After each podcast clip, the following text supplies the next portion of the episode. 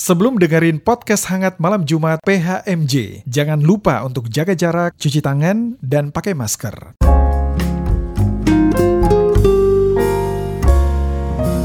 Podcast hangat malam Jumat. Halo, selamat malam. Apa kabar semuanya? Malam ini kita ketemu dalam sebuah acara yang baru.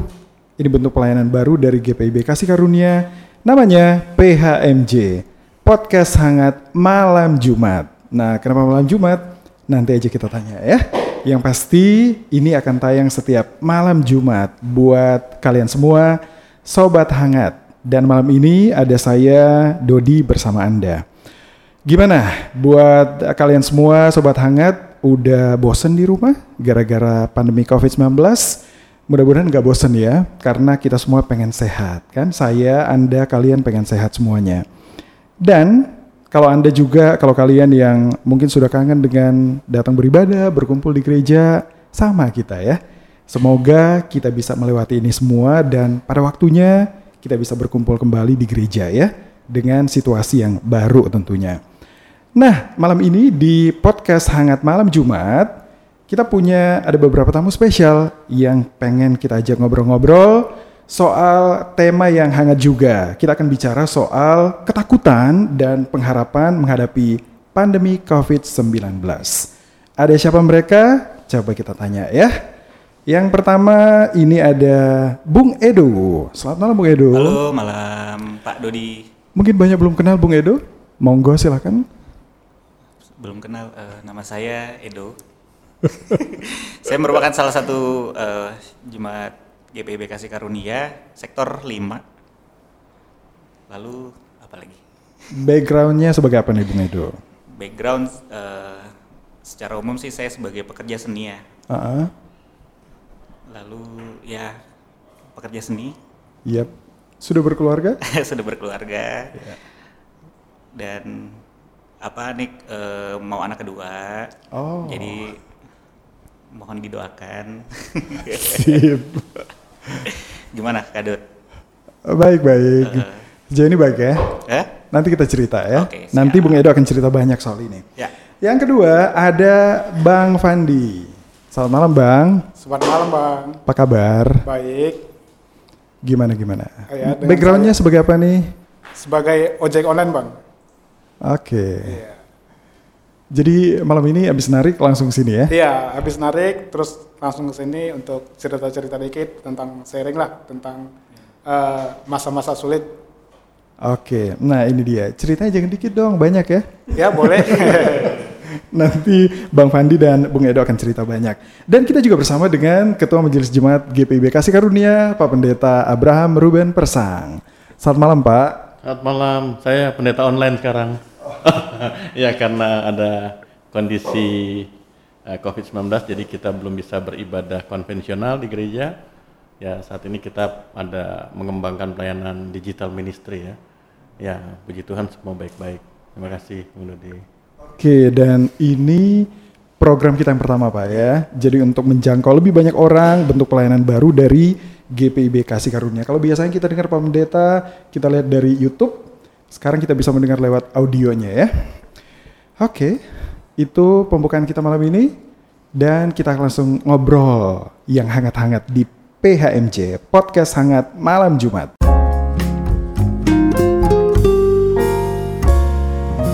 Podcast hangat malam Jumat. Yang pertama saya pengen ke Bung Edo. Yes, gimana? Bung Edo, gimana nih? Kak Dodi atau Pak Dodi nih? Terserah Enaknya? aja. Oh. oh, Bung Dodi juga. Bung Dodi deh.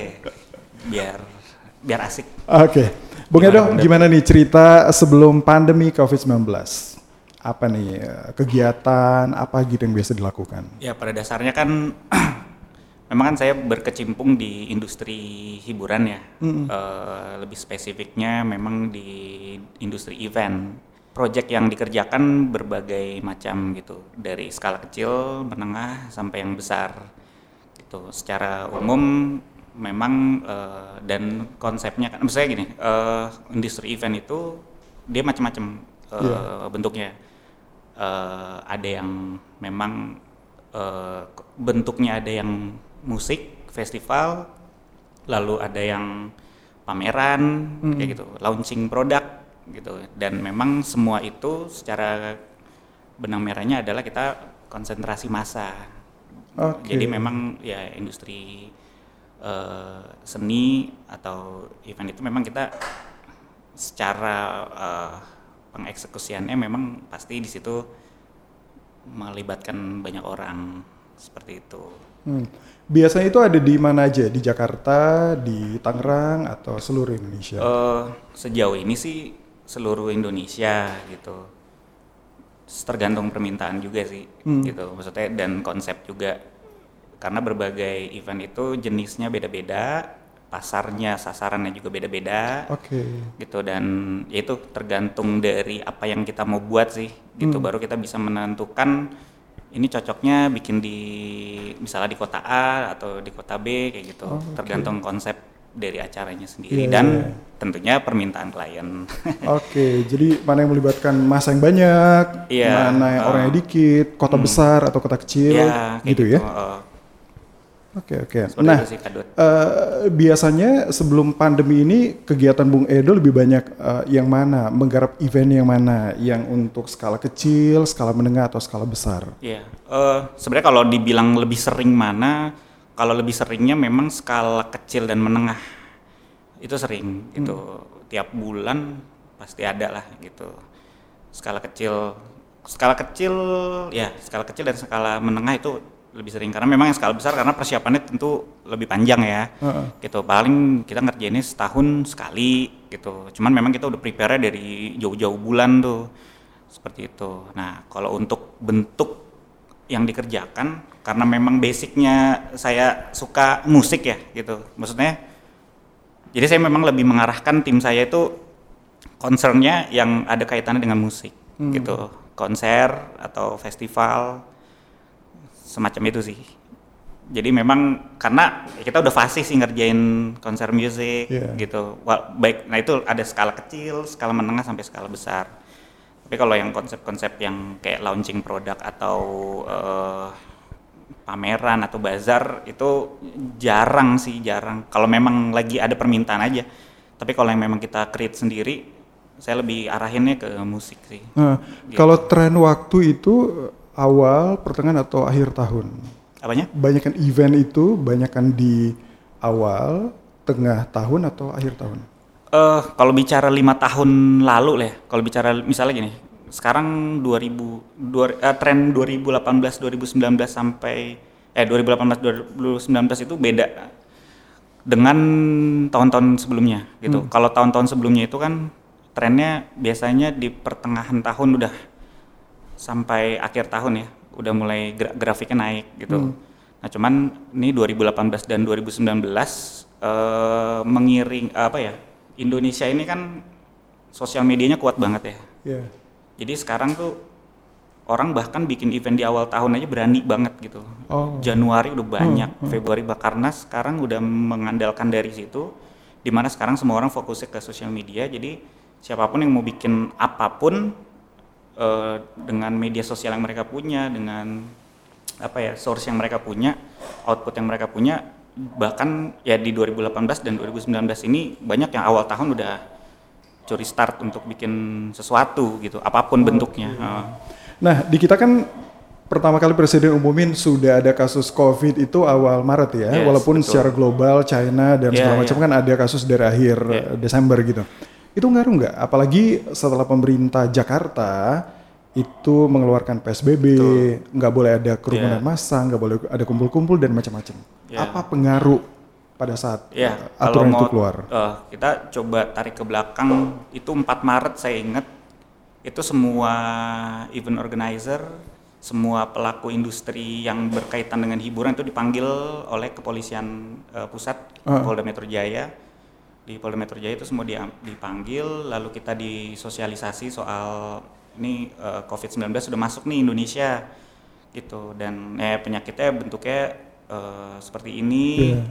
terus eh, di mana eh, dari kepolisian dan pemerintah ya pemerintah lah ya dari pemerintah langsung antisipasi gitu bahwa kegiatan yang memang eh, apa ya ada ada ada potensi kerumunan massa dan di situ berpotensi juga menularkan eh, virus ini itu di stop semua per Maret kemarin. Setelah dipanggil, besoknya udah selesai nggak Iya, boleh jadi lagi. benar-benar saat itu tuh ya kita dibuat ya surprise juga gitu karena da- karena gini dari pertemuan itu dari eh, apa ya per- pertemuan itu sosialisasi itu pulangnya kita nggak mendapatkan solusi apa pun gitu kita nggak mendapat solusi karena ya dari pemerintah pun ya, kita nggak tahu ini kapan berakhir gitu kan Iya.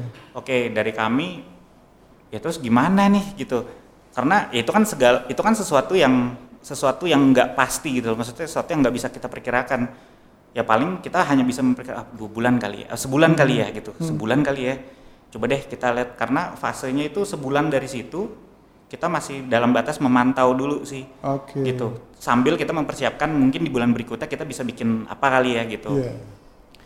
Nah, saat, saat semua semua kayak gitu. Satu bulan dari pertemuan itu kita coba yuk kita coba bikin sesuatu deh di bulan berikutnya sambil juga dikondisikan segala project yang memang udah apa ya ya kita kan kalau event itu yang paling utama kita dahulukan itu kan yang namanya kita booking tempat Mm-mm.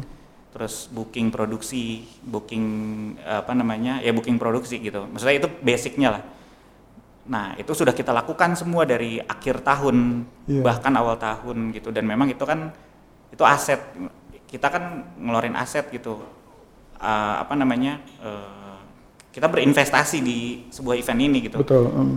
karena semua kayak gitu karena after event baru ya Iya. secara bisnis Bisa bisa, balik ya. ya berputar Berarti lah. ada, ada banyak proyek yang harusnya berjalan Iya. dan di awal-awal sampai sekarang itu benar-benar nggak Iya, terlaksana jadi ya. kan biasanya memang kita kalau bikin program at least sampai pertengahan tahun dulu lah gitu. Hmm. Sampai Juni gitu. Sampai bulan 6 Mei Juni ini udah Juni ya gitu. Dan itu ya begitulah. Jadi dari Maret dari awal tahun sampai bulan Februari akhir pun itu baru baru ada dua. Oke. Baru ada dua event yang berhasil Apa jalan? Eh sorry sorry tiga. Tiga. Ada tiga Itu apa? berhasil. Konser, Ya, eksibisi eh, atau pameran? Semua musik sih. Konser semua musik? eh, semua musik. Oke gitu. oke. Jadi dan ini kan itu adalah bagian dari selanjutnya yang akan kita jalanin gitu. Ah. Dan ya udah akhirnya semuanya ya udah batal gitu aja gitu dan ya ini memang force major sih. Cuman ya ini ini yang lagi kita cari apa ya solusinya gitu untuk bisa nutupin kerugian-kerugian itu gitu. Oke. Dan itu juga terjadi di wilayah lebih skopnya kecil ya, Ja- eh, Tangerang. Skup kecil ya. Sama ya? Tangerang Oke. oke. terjadi juga sih. ya. Nah, saya ke Bang Fandi nih. Bang Fandi dari tadi nyimak.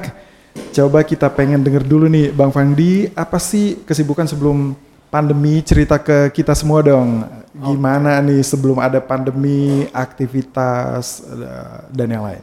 Ah, sebenarnya sebelum pandemi COVID-19 ini semua berjalan indah, Ah, ah. baik dari segala sisi, termasuk di yang saya gelutin di bidang ojek online. ah. Sebelum terbit PSBB itu semua enak, semuanya benar-benar indah seperti air mengalir. Semenjak ada COVID-19, semuanya eh, menjerit, termasuk di yang saya gelutin di bidang ojek online. Tadinya sih kita merasa ah sama seperti yang rekan saya bilang tadi, dia bilang itu hanya mungkin sebulan dua bulan. Iya. Asumsi teman-teman pada gitu emang di lapangan. Ya udah kita lihat aja, kita kan di jalanan panas-panasan, nggak mungkin kali si covid berani kan gitu. Iya. Itu hanya asumsi orang awam Iya. kan gitu. Cuman setelah penerbitan itu semua pada takut. Ah, dari awalnya yang PD, nggak mungkin lah kita Tadinya kena kita pede itu. garang bahkan eh, seekor serigala lah siap tempur. Hujan badai pun jalan terus. Iya. Nah setelah makin diketahuin banyak yang korban, Heeh. banyak yang meninggal positif segala macam. Kita mulai takut. Hmm. Banyak hal yang kita takutin. Eh, yang pertama, kita takut nggak bisa makan, nggak bisa bawa pulang duit ke untuk menghidupin keluarga gitu. Iya. Apalagi yang namanya kita pendapatannya terbatas semenjak semua dikunci. Ya udah semua pasrah. Termasuk saya saya sendiri eh, merasakan bahwa si COVID ini benar-benar mencekik lah terhadap si pengemudi ojek online. Oke, mungkin sedikit gambaran ke kita semua yang lagi lagi denger nih, Bang Fandi. Biasanya eh, jam kerja seorang ojek online berapa hari, berapa jam sih sehari? Sebenarnya sih kalau untuk jam itu kita tidak dipatok ya, Hmm. tergantung prinsip masing-masing. Tadinya sebelum ada COVID, saya pribadi itu keluar jam 6 pagi dan pulang jam 9 malam. Wow, Cukup lumayan lama. 12 tambah 3, 15 jam. Ya. Dalam sehari. Wow, oke. Karena itu kadang kita mikir eh, keluar lebih pagi rezeki kita harus menjemput rezeki kan gitu. Betul. hmm. Jadi ya udah keluar pagi, pulang malam supaya semua dapat terbutuhi. Ya, Apalagi seperti saya mempunyai keluarga, Ah. mempunyai anak, ya sebagai kepala rumah tangga banyak hal yang kita tidak ceritakan ke orang-orang gitu. Ya udah Iya. kita nikmatin aja. Yang penting kita selalu bersyukur masih diberi kesehatan. Amin, itu dia. Itu yang penting, kita harus bersyukur. Eh, Boleh kasih gambaran nggak kita penghasilan ojek online sehari, seminggu, bulanan? Sebenarnya Biasa. gini, rata-rata aja. Iya, sebenarnya kalau dipatokin rata-rata sebelum si COVID-19 ini berada di wilayah kita ini, Heeh. semua itu enak, bisa dapat seminggu, kalau lagi enak bisa Ah. dapat sejuta, 900, Ya. Tapi setelah COVID-19 ini, itu terjun bebas, yang tadinya satu minggu kita bisa dapat eh, 800, 900, bahkan sejuta, Hmm. sekarang cuma dapat satu minggu itu 200. Sekarang. Iya. Ya.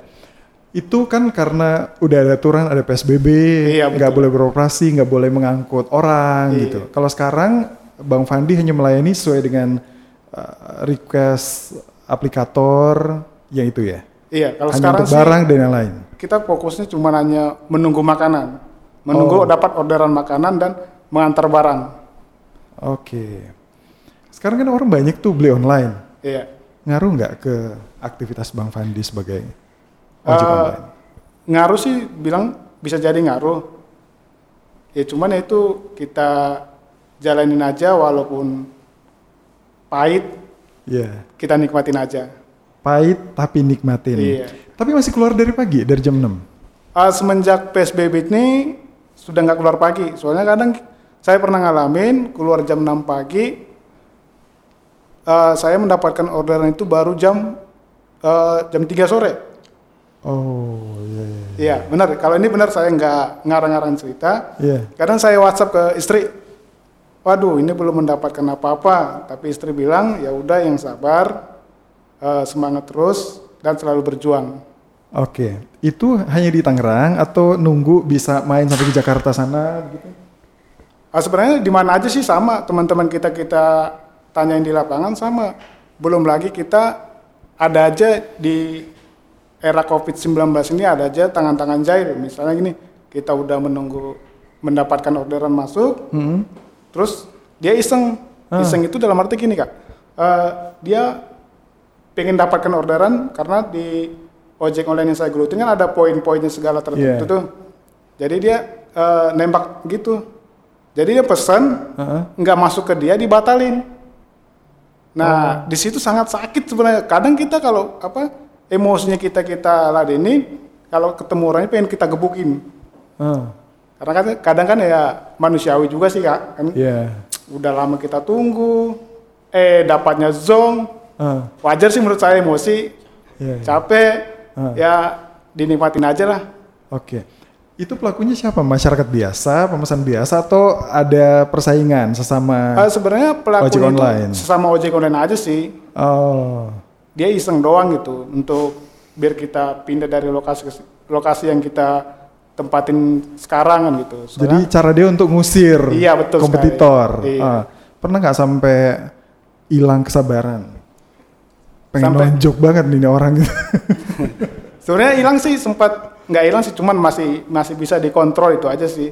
Cuman kadang kita yang namanya ya seperti yang saya bilang tadi, kalau ketemu sama yang jahil, kalau kita kepergok sama itu orang, pengennya kita gebukin aja. Bahkan ada teman, ya udah yuk kita bakar aja yuk gitu. Oke. oke. Jadi berdampak banget ya. Iya, Yang berdampak banget. dari Sangat-sangat biasa dampak. jam keluar pagi sampai malam sampai ke penghasilan rata-rata tadi. Thank you Bang Fandi udah sharing. Tapi eh, dengan dampak ini kan kemarin sempat ada solidaritas dari banyak orang kan untuk membantu semua. Apalagi pemerintah kan lebih banyak kata orang kasih perhatian ke dikit-dikit ojek online, dikit-dikit ojek online. Apa bantuan yang Bang Fandi udah rasakan sejauh ini? sebenarnya kita sih bersyukur juga ada yang berbaik hati, kadang membantu kita, baik dari sisi keluarga, teman, kerabat, ataupun orang yang kita tidak kenal, dia mau berbagi gitu. Ah, Termasuk ya kita dapat bantuan juga dari gereja, Oke. ya sangat membantu lah. Ya, kita mungkin pengen dengar cerita dari Bang Fandi tentang bantuan dari orang nggak dikenal. Nah ini nih, Coba cerita ke kita. kadang kan kita nih, kita lagi nunggu di pinggir jalan tuh nunggu nunggu orderan masuk kalau orang ojek online bilang tiba-tiba ada yang lewat bilang Pak ini rezeki diterima gitu. Wow. Wow ini namanya benar-benar rezeki. Oke. Kayak- Dan itu sering. Sering sih enggak, ya namanya rezeki kan bang kita tidak tahu Iya. kapan dia datang, kapan dia muncul, hanya Tuhan yang tahu. Iya, iya. Jadi kita berterima kasih buat mereka yang sudah dipakai Tuhan ya, Iya, tangan betul. mereka untuk membantu. Oke. Kita udah dengar cerita dari Bung Edo dan Bang Fandi. Mudah-mudahan tentunya kita berharap ya waktu akan cepat berlalu ya dan semua bisa pulih dengan secepatnya. Nah, tadi eh, Bung Edo dan Bang Fandi udah cerita udah berkeluarga, udah punya anak ya. Dan eh, gimana keluarga beradaptasi dengan situasi semacam ini? Bung Edo? Iya, eh, dengan kondisi sekarang ya, memang eh, gimana ya, adaptasinya sih, memang awalnya tuh memang kita ya nggak siap ya, gitu, karena memang ya pandemi ini siapa sih yang siap gitu kan, cuman ya puji Tuhan, eh, Tuhan boleh kasih kita hati dan pikiran yang Tuhan kasih hikmat gitu loh. Bahwa ya kalau memang bicara susah ini semua lagi susah kayak gitu. Dan apa namanya memang tidak seperti yang sebelum-sebelumnya lah apa yang kita dapat gitu. Cuman di sini eh, saya pribadi sebagai kepala keluarga ada hal yang saya bisa apa namanya ada hal yang bisa saya dapatkan dari kondisi pandemi sekarang ini bahwa eh, hubungan keluarga semakin intim kami semakin apa ya mensupport satu sama lain Heeh. istri saya juga mengerti gitu apa yang sedang dialami eh, saat ini dan ya s- gimana ya kita lebih bersyukur sih karena kita jadi lebih bersyukur melihat banyak juga yang jauh lebih lebih apa ya lebih menyedihkan gitu. Karena sekarang eh kita sih sekarang lebih mikirnya gini sepanjang Tuhan masih bisa kita masih bisa diberikan Tuhan makanan cukup selama sehari-hari gitu dan keluarga sehat gitu. Sebenarnya eh, melalui kondisi ini saya lebih diarahkan untuk melihat ke situ gitu.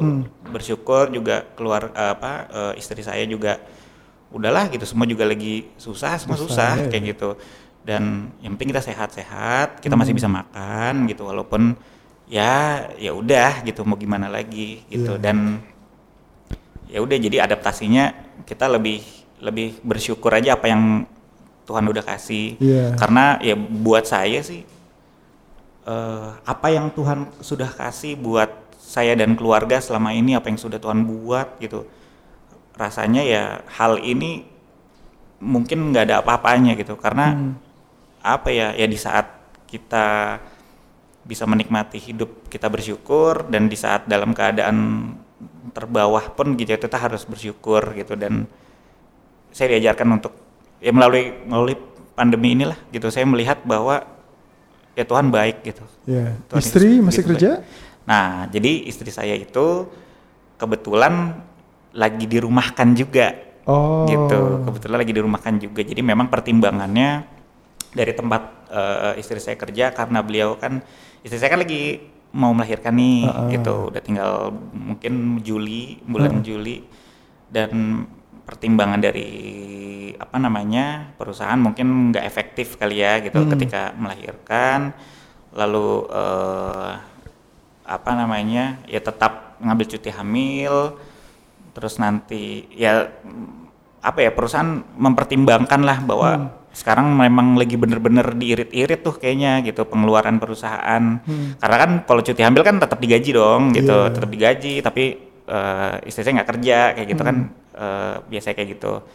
Cuman ini memang sementara dirumahkan gitu. Ya puji Tuhan sih dari perusahaan sih ada garansi lah gitu. Maksudnya nanti kalau semuanya sudah berjalan sebagaimana mestinya ya Bisa balik lagi. mari ya gitu.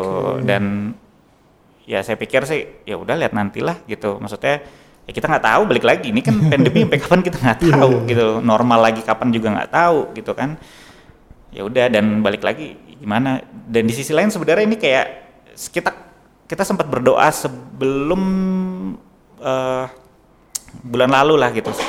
Saya dan istri sempat minta sama Tuhan eh, nanti pas udah anak kedua istri nggak usah istri saya nggak usah kerja deh gitu. Udah biar saya aja yang kerja gitu kan. Dan itu Tuhan dengar gitu. Memang caranya unik gitu. Cuman ya udah emang Tuhan dengar doa kita jadi ya udah jalanin aja Oke. gitu. Tapi yang pasti keluarga bisa beradaptasi dengan situasi ini ya. ya puji Tuhan bisa Oke. beradaptasi. Kita berdoa buat Bung Edo nanti proses persalinannya Wah, amin. Istrinya kasih, berjalan dengan baik ya. Nah, Bang Fandi cerita dong gimana dengan yang tadi Bang Fandi bilang penghasilan turun drastis, keluarga, istri masih bekerja? Eh, istri juga kerja, Ah. tapi ya sama di kerjanya di rumah juga. Oke, nah beradaptasi dengan situasi gini gimana tuh Bang? Sebenarnya benar kata seperti kata rekan saya, rekan Edo, awalnya emang berat, sulit untuk diterima. Termasuk eh, saya sendiri yang tadinya keluar pagi jadi siang, kadang ada enaknya, ada enggaknya. Enaknya bisa banyak waktu untuk keluarga, termasuk untuk si kecil. Ah, Dan untungnya istri juga mengerti dengan keadaan eh, yang dialami saat ini. Oke, jadi eh, walaupun Bang Fandi yang tadi bilang kita benar-benar terpuruk, tapi ada support dari istri, Iya, betul. dari keluarga besar juga ya. Iya, support istri itu sangat membantu saya untuk eh, menjalani semua kenyataan pahit inilah. Iya. Istri benar-benar membimbing, selain istri, keluarga juga selalu eh, bilang selalu bersyukur dan benar seperti yang rekan saya bilang tadi, banyak orang yang lebih susah dari kita. Iya. Dan kami sebenarnya saya pribadi dan rekan Edo saya ini kembar tapi beda, hampir mirip, cuman tapi tak serupa. Iya, iya, iya. Sama, kita mem- mempunyai anak satu dan yang mau menjelang yang kedua. Oh iya. Iya, makanya saya bilang tadi kembar tapi beda. Iya, iya, iya. Iya, kita juga eh, berdoa supaya semua proses persalinan nanti ya sampai hari hanya Amin, amin. berjalan dengan baik tentunya. Tapi secara pribadi ada nggak sih, walaupun kelihatan dari luar nih, kalau kita ngobrol malam ini nih kelihatan dari Bang Fandi happy happy aja, dari Bung Edo enjoy enjoy aja gitu kan, karena keluarga ikut support, mengerti dengan situasi. Tapi ada nggak ketakutan yang paling besar dari dalam diri ini? Karena yang namanya pandemi ini kita nggak bisa tahu kan kapan akan selesai. Iya betul. Apa bentuk ketakutan itu? Ah, sebenarnya sih kalau saya pribadi untuk ketakutan itu tidak ada bagi saya ya. Karena prinsip saya itu semua berasal dari Tuhan dan akan kembali kepada Tuhan juga. Semua itu menurut saya itu nggak ada yang perlu ditakutin. Kita tidak tahu apa yang terjadi besok. Ah, bisa aja kita dapat ah, sukacita, duka cita kita tidak tahu. Yang penting kita selalu bersyukur dan menikmati hidup. Itu aja sih menurut saya. Iya, iya. Tapi kalau dapat penumpang batuk-batuk takut juga ya bang ya? Batu-batu sih ya itu mah biasa. Oh gitu. Oke oke. Bung Edo gimana? Ada nggak ketakutan saat situasi yang nggak menentu seperti sekarang? secara manusia dia bicara manusiawi dulu sih tentu ada sih gitu ketakutan lebih ke apa ya takut atau khawatir enggak sih cuman kayak eh, lebih ke penasaran gitu. Lebih ke penasaran ini pandemi sampai kapan? Sebenarnya sebenarnya ini ya pertanyaan semua orang ya gitu. Pandemi sampai kapan gitu? Karena ya balik lagi sampai detik ini pun segala bentuk informasi media per, per- lingkungan pertemanan apa pun simpang siur lah. Liar banget gitu loh maksudnya eh, liar banget bentuk informasi dan ya, jadi ya memang kalau kita ikutin semua pusing sih. Jujur aja jadi pusing. Jadi memang itu bikin ya secara apa ya secara manusia secara pikiran jadi takut gitu. Tapi seperti yang saya bilang tadi melalui peristiwa pandemi ini saya lebih belajar bersyukur. Lebih lebih belajar bersyukur dan melihat bahwa eh besok kita nggak akan tahu akan ada apa gitu. Even eh, hal yang baik atau hal yang buruk kita nggak ada yang tahu gitu. Tapi ya saya percaya gitu kita anak Tuhan Tuhan nggak akan membiarkan kita lapar. Itu sih maksudnya prinsip saya "Oh, enggak lah Tuhan nggak akan biarkan saya kelaparan tapi Tuhan akan memberikan kecukupan gitu loh. Kecukupan yang menurut kehendak Tuhan gitu bukan menurut kehendak manusia gitu. Makanya eh, seperti ya Bang Fandi bilang benar banget gitu soal eh kita nggak ada yang perlu ditakutin gitu. Karena memang balik lagi semua bagaimana kedekatan kita sama Tuhan sih. Oke. Gitu. bagaimana Tapi sempat ngebayangin nggak ke depannya kira-kira nanti event akan seperti apa, kerjaan akan semacam ya sebenarnya kalau secara kerjaan ya memang kita kan selalu berkomunikasi ya di komunitas IO komunitas pekerja seni gitu.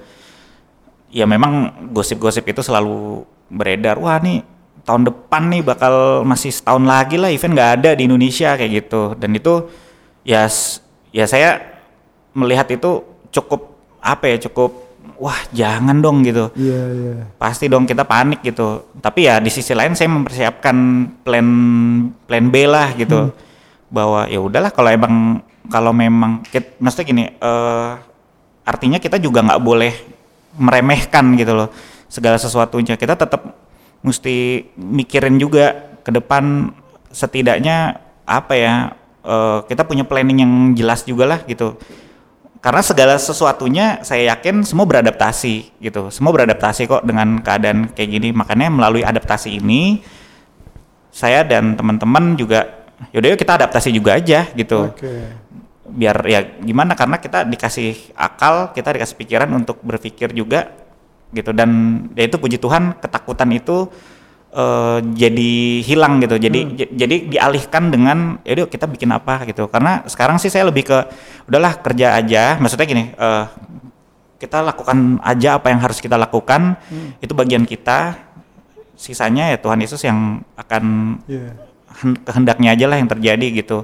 Makanya kita eh, sekarang saya lebih seperti itu aja gitu Iya, ya walaupun memang harusnya kita, seperti itu gitu Iman kita yang tetap nggak boleh takut ya dengan itu situasi bicara ya. bicara iman memang ya itu diuji sih memang Oke. Nah, karena malam ini kan ada Pak Pendeta nih. Iya. Mungkin ada pertanyaan dari Bang Fandi, dari Bang Bung Edo buat Pak Pendeta.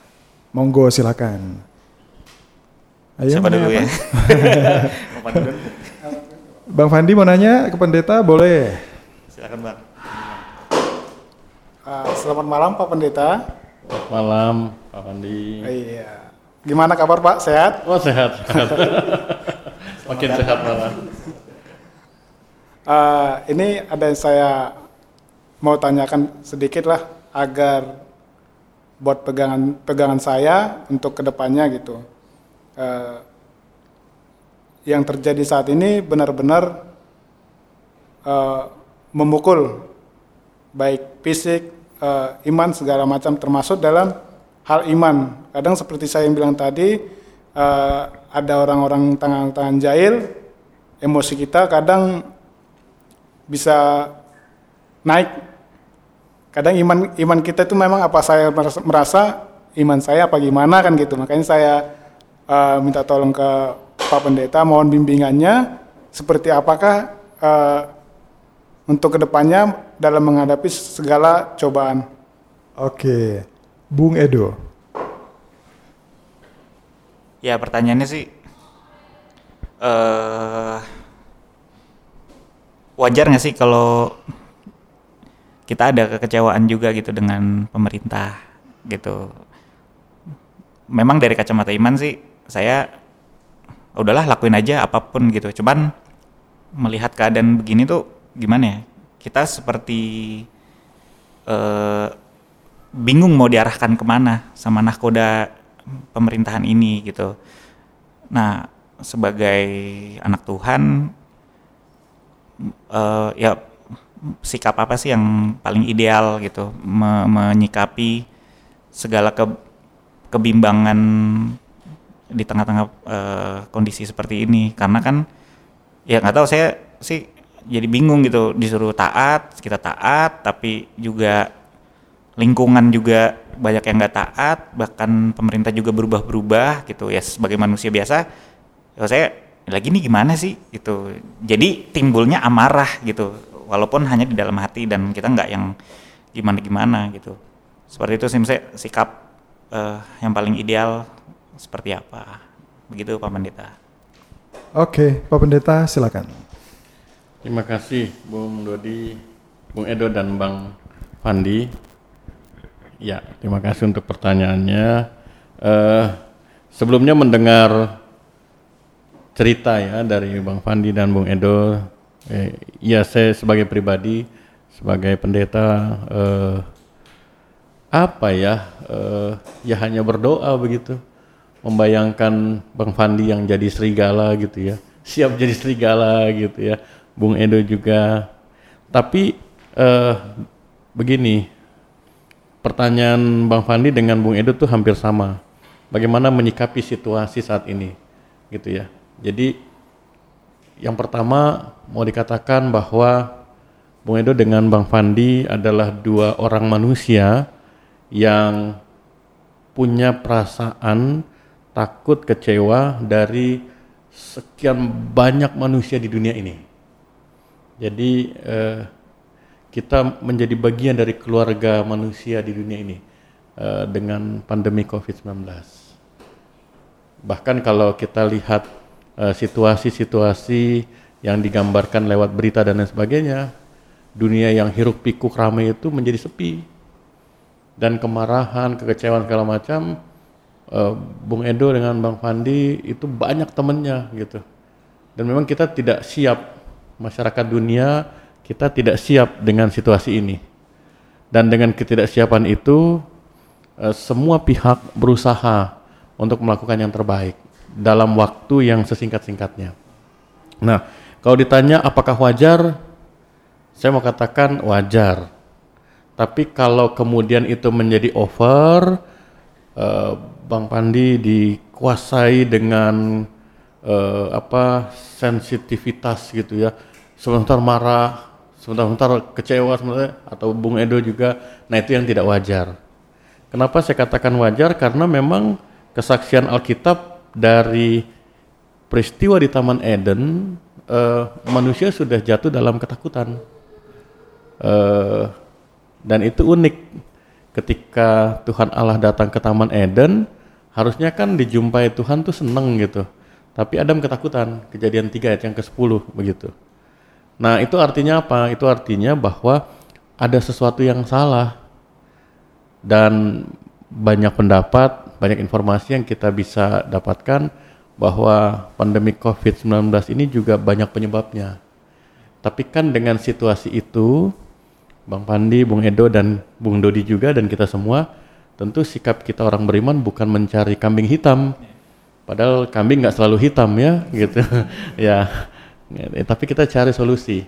Bahkan kita boleh menjadi contoh bagaimana dalam situasi sulit, krisis, kita boleh tetap menjadi troubleshooter, tetap menjadi penentram, meredam, dan ya menguatkan yang lain. Kalau orang dalam kondisi baik-baik menguatkan yang lain itu biasa. Tapi kalau dalam kondisi rapuh kita bisa memikirkan dan menguatkan orang lain itu yang luar biasa. Saya pikir sementara begitu dulu Bung Dodi. Nah, tadi kan Pak Pendeta, Bung Edo dan Bang Fandi sempat bicara soal ketakutan.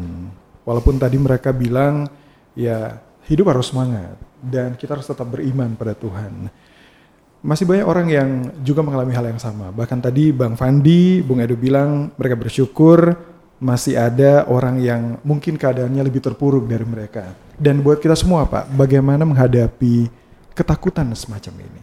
Apa yang harus kita lakukan? Baik, uh, Bung Dodi dan Bung Edo dan Bang Fandi, seperti tadi saya uh, sempat sebutkan bahwa ketakutan itu sudah ada sejak di Taman Eden kesaksian Alkitab. Dan beberapa catatan yang saya baca eh, ternyata kata ketakutan fobio atau phobos itu lebih banyak dicatat dalam Alkitab dibandingkan kata harapan. Kata ketakutan itu tercatat ada 62 kali dari 59 ayat baik di perjanjian lama maupun perjanjian baru.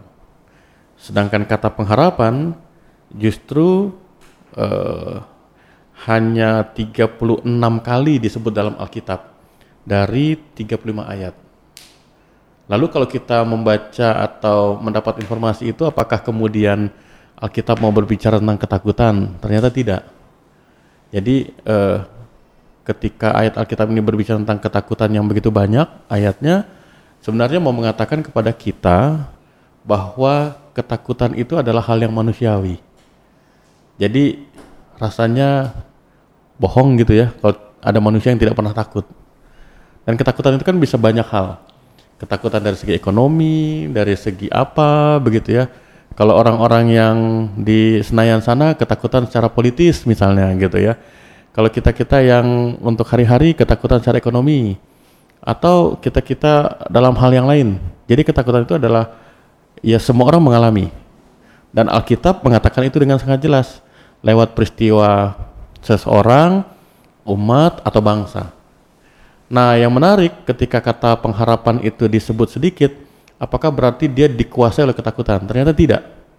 Justru yang sedikit itu mau menegaskan bahwa ada satu pengharapan yang bisa mengubah semua. Uh, memang di dalam perjanjian baru Tuhan Yesus tidak secara eksplisit, secara tersurat menjelaskan tentang pengharapan bla bla bla tidak. Tapi Tuhan Yesus mengungkapkan itu di dalam pengajaran tentang berdoa. Kata-kata Tuhan Yesus begini, Bapamu yang tersembunyi mengetahui apa yang kamu ucapkan di tempat yang tersembunyi. Saya tadi membayangkan ketika Bang Fandi menunggu orderan dari jam 6 pagi sampai jam 3 saya yakin ada satu dua detik tuh Bang Fandi bilang begini Tuhan, kapan ya orderan ini gitu. Ada yang tahu Bang Fandi ngomong gitu? Nggak ada, nggak ada. Tapi di tempat yang orang nggak tahu, orang tidak perhatikan, kata Tuhan Yesus, Bapak memperhatikan, gitu. Demikian pun Bung Edo, ketika Bung Edo melihat situasi di kantor, kemudian uh, proyek-proyek nggak ada, sementara di belakangnya Bung Edo ada kru panggung dan lain sebagainya. Mungkin di tengah keramaian itu Bung Edo mengucap dalam hati, ya Tuhan gimana ya gitu. Dan kata Tuhan Yesus, Bapamu yang di sorga tahu. Nah, jadi kata pengharapan itu walaupun sedikit diucapkan, tapi dia menjadi inti dari corak atau kekhasan orang beriman. Kenapa? Karena pengharapan kita itu bukan diletakkan pada apa, bukan pada jabatan, bukan pada materi, tapi kepada siapa. Siapa itu siapa? Yaitu Tuhan sendiri. yang bisa membuat segala sesuatu berubah dalam sekejap. Pertanyaan kan sederhana, kenapa kok tidak dirubah sekarang ya? Nah, ini yang disebut dengan waktu dan kehendak Tuhan. Kegagalan kita sebagai orang beriman sering kali tidak sabar untuk waktu Tuhan dan kehendak Tuhan. Saya begitu begitu Bung Dodi. Oke, itu dari Pak Pendeta, Sobat Hangat, dan Bang Edo, Bang Fandi, mungkin ada lagi yang mau komen, mau tanggepin, mau nanya lagi ke Ya, Pak Pendeta? eh,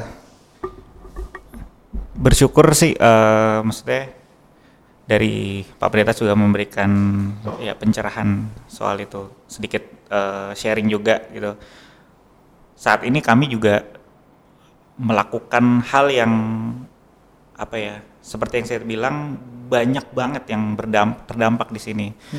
Even ada bantuan juga dari berbagai pihak gitu. Sementara waktu berjalan terus eh dan ini banyak banget yang terdampak yang yang ya ini saya bicara instrumen dari pihak penyelenggara event ya kayak gitu bahwa di dalamnya ada ya kru panggung, kru sound system gitu bahkan yang apa benar-benar udah nggak bisa ngapa-ngapain kayak gitu. Dan ya kami bersyukur gitu.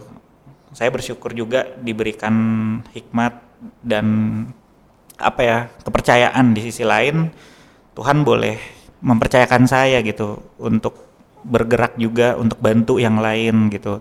Bukan semata-mata hanya eh, waduh untung eh, apa namanya gue masih saya bisa makan terus yang lain nggak bisa cuman hanya bersyukur gitu. Tapi saya bersyukur Tuhan menggerakkan hati saya juga gitu bersama teman-teman yang lain juga tentunya melalui apa namanya ya kita kita apa ya kita ngumpulin apa yang bisa kita kumpulin gitu untuk kebutuhan-kebutuhan mereka. Dan di situ sih saya lebih melihat bagaimana Tuhan boleh pakai saya juga gitu di, di bahkan dalam kondisi tersulit sekalipun gitu. Dan melalui apa ya apa yang tadi Pak Pendeta juga bilang bahwa ya Tuhan sedikit pun juga nggak akan ninggalin kita sih gitu. Maksudnya pengharapan itu selalu ada gitu. Cuman memang timingnya kita sebagai orang percaya apa ya memang di waktu yang Tuhan kehendaki gitu. Oke, Pak Pendeta. Iya, jadi eh, Bung Edo dan Bang Fandi, eh, ya kita selama masih menjalani hidup ini tidak akan pernah lepas dari berbagai pergumulan. Kita sadari bahwa saat ini pergumulan bukan hanya kita, tapi juga masyarakat dunia. Eh, hal yang penting yang tadi sudah dibagikan buat kita bersama lewat pengalaman Bung Edo, Bang Fandi, janji firman Tuhan, keyakinan kita ada Bapa di sorga yang memperhatikan setiap kata, setiap doa Bang Fandi dan Bung Edo sebagai kepala keluarga, sebagai suami, bahkan mungkin kata-kata ini agak sedikit apa ya membuat kita haru ya. Mungkin ketika Bang Fandi di atas motor, Bung Edo di belakang panggung sudah tidak bisa berkata apa-apa, Tuhan masih bisa dengar suara dari Bung Edo dan Bang Fandi. Pengharapan itu jangan pernah hilang. Karena ada Tuhan yang selalu tahu persis apa yang kita butuhkan. Dan ketika kita punya pengharapan, kita percaya Tuhan menolong kita semua, bahkan kita jadi alat berkat Tuhan bagi banyak orang. Bung Dodi boleh saya tutup dengan doa? Oke, mari kita berdoa. Kami bersyukur ya Tuhan malam hari ini melalui percakapan di antara kami, kami bersama-sama dapat melihat dan memahami situasi yang saat ini kami hadapi. Tuhan, kami menyadari begitu berat, tapi kami meyakini Tuhan mengetahui pergumulan kami dan Tuhan tidak pernah meninggalkan kami. Bang Fandi, Bung Edo yang sudah berbagi, sharing kehidupan mereka, kami percaya ada Bapak Sorgawi yang memperhatikan dan menolong dan menjaga, memberkati. Teristimewa istri dari Bang Fandi dan juga Bung Edo dalam masa kehamilan, menjelang kelahiran, Tuhan juga berkati. Bung Dodi juga bersama dengan kami, Tuhan juga berkati, bahkan kami berdoa untuk situasi saat ini. Kami percaya Engkau empunya segala-galanya, Engkau berkuasa, Engkau mengasihi, Engkau menolong kami semua. Ini doa kami Di dalam Yesus Kristus, Juru Selamat dan sumber pengharapan kami, kami berdoa. Amin. Amin. Terima kasih Pak Pendeta untuk malam ini waktunya bersama kami. Bung Edo, Bang Fandi, thank you banget Ya, terima ya. kasih, Kak Dodi. Terima kasih Kak Dodi. Jadi malam ini kita bisa belajar mengenai semangat, mengenai iman. Buat kalian juga nih sobat hangat yang ada di luar sana yang lagi dengerin kita, kalau kalian menghadapi situasi yang mungkin kurang lebih persis sama dengan dialami oleh Bung Edo dan Bang Fandi, selalu tetap punya semangat, punya iman bahwa Tuhan pasti akan menolong kita dan keadaan kita akan lebih baik ke depan tentunya. Nah, sekali lagi ini bentuk pelayanan dari kami GPIB Kasih Karunia yang tayang setiap malam Jumat. Makanya namanya Podcast Hangat Malam Jumat. Nah, next topiknya apa? Yang pasti tunggu kami ya di obrolan-obrolan berikutnya hanya di PHMJ Podcast Hangat Malam Jumat.